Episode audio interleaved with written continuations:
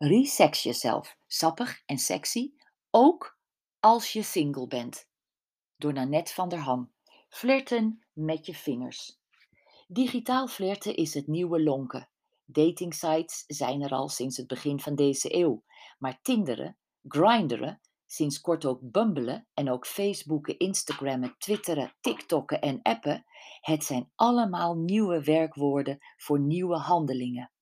Een kennis had eens vertraging op de luchthaven van Parijs. Ze is single en bedacht dat een wippie een lekkere manier was om de tijd te doden. Ze opende haar Tinder-app en had binnen een kwartier een match met iemand die ook op Charles de Gaulle rondliep. Nou, Gaulle was het in de openbare invalide toilet met steunbeugels.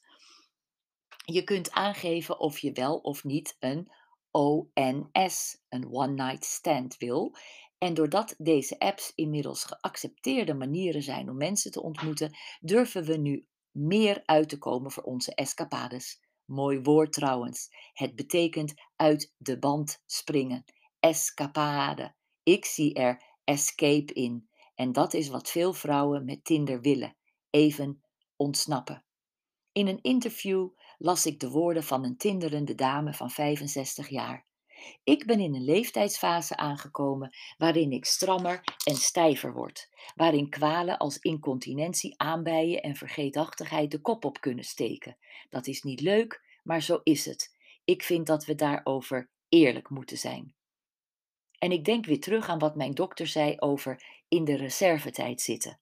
Onze levensduur is door de vooruitgang van de algemene hygiëne en de medische kennis zo verlengd dat we nu niet alleen met zaken als inlegkruisjes en aanbijenzalf te maken krijgen, maar ook met erectiepillen en glijmiddel.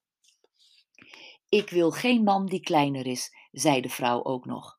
Nee, dat hoorde ik ook toen ik werd opgeleid tot relatieconsulente. Mannen die het moeilijkst een relatie krijgen, zijn zij die laaggeschoold, jong en klein zijn. Dat wijzen de statistieken uit. Overigens is de groep vrouwen die het moeilijkst aan de man te krijgen is, precies het omgekeerde. Hoog opgeleid, 40 plus en lang. Uiteraard zijn er vele uitzonderingen, maar ik weet nog goed dat mij op het hart gedrukt werd om die groep mannen en vrouwen niet al te veel hoop te geven dat ze snel een geschikte partner zouden vinden. De spoeling was gewoon te dun. En hoe geëvolueerd, beschaafd en geëmancipeerd we ook zijn, onze biologie raken we niet kwijt. Een lange, sterke, rijke man geeft ons bewust of onbewust het gevoel dat we bij hem veilig en verzorgd zijn. Ingrediënten die belangrijk waren en nog in de tijd dat we nageslacht moesten voortbrengen en het nest bevoorraad moest worden. Mannen zijn graag in control en hebben graag een vrouw die kleiner, jonger en dommer is dan zijzelf. Sorry, dit waren de conclusies die ik uit de statistische metingen van het relatiebureau trok en met mij de psycholoog. Goddank zijn er uitzonderingen.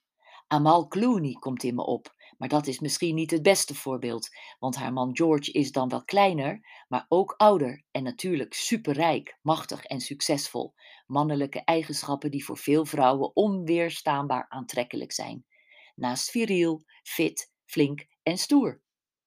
Ik herinner mij de vriendin die het haar missie had gemaakt om op haar zestigste een relatie te hebben. Ze vatte de stier bij zijn horen, althans, daar droomde zij van. Installeerde zich met haar leukste foto op verschillende datingsites en zag de reacties binnenstromen. Van mannen die gemiddeld zeven jaar ouder waren dan zij. Dit gemiddelde kwam doordat er naast de 70-plus heren ook heel veel jonge mannen reageerden, die zich min of meer als dekhengst aan haar presenteerden.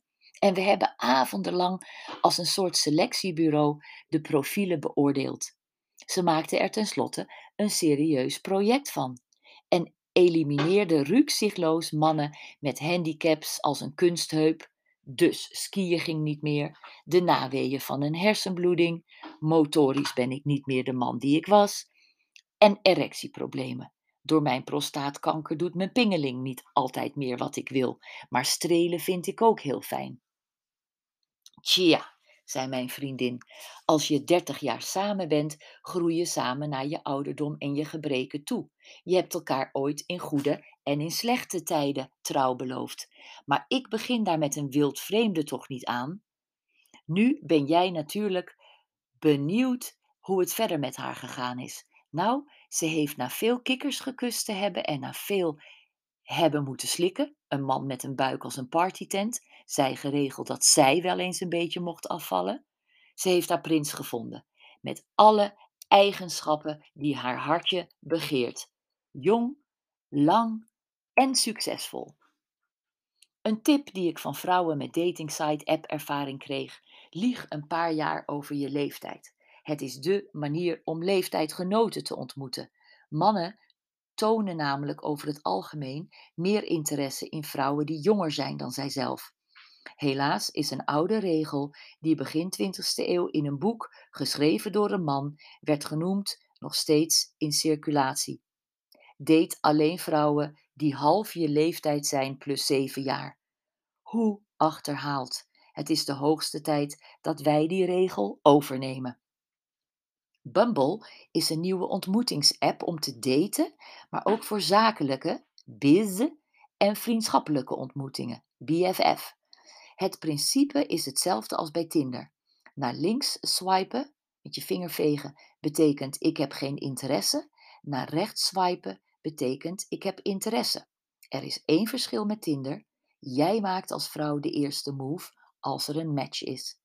Bumble zegt: er is geen gelijkheid zonder respect.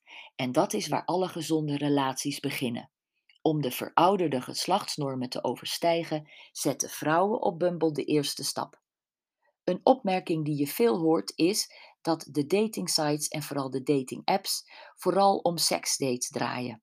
Misschien vind jij dat prima, omdat het jou ook alleen om seks te doen is. Maar heb je net als het merendeel van de vrouwen hoop dat de date een relatie wordt, Maak er dan zeker een seksdate van. Dan weet je hoe hij kust, hoe hij ruikt, hoe hij voelt en hoe hij vrijt. En maak de ervaring voor hem zo onvergetelijk dat hij je smeekt om nog een keer te komen.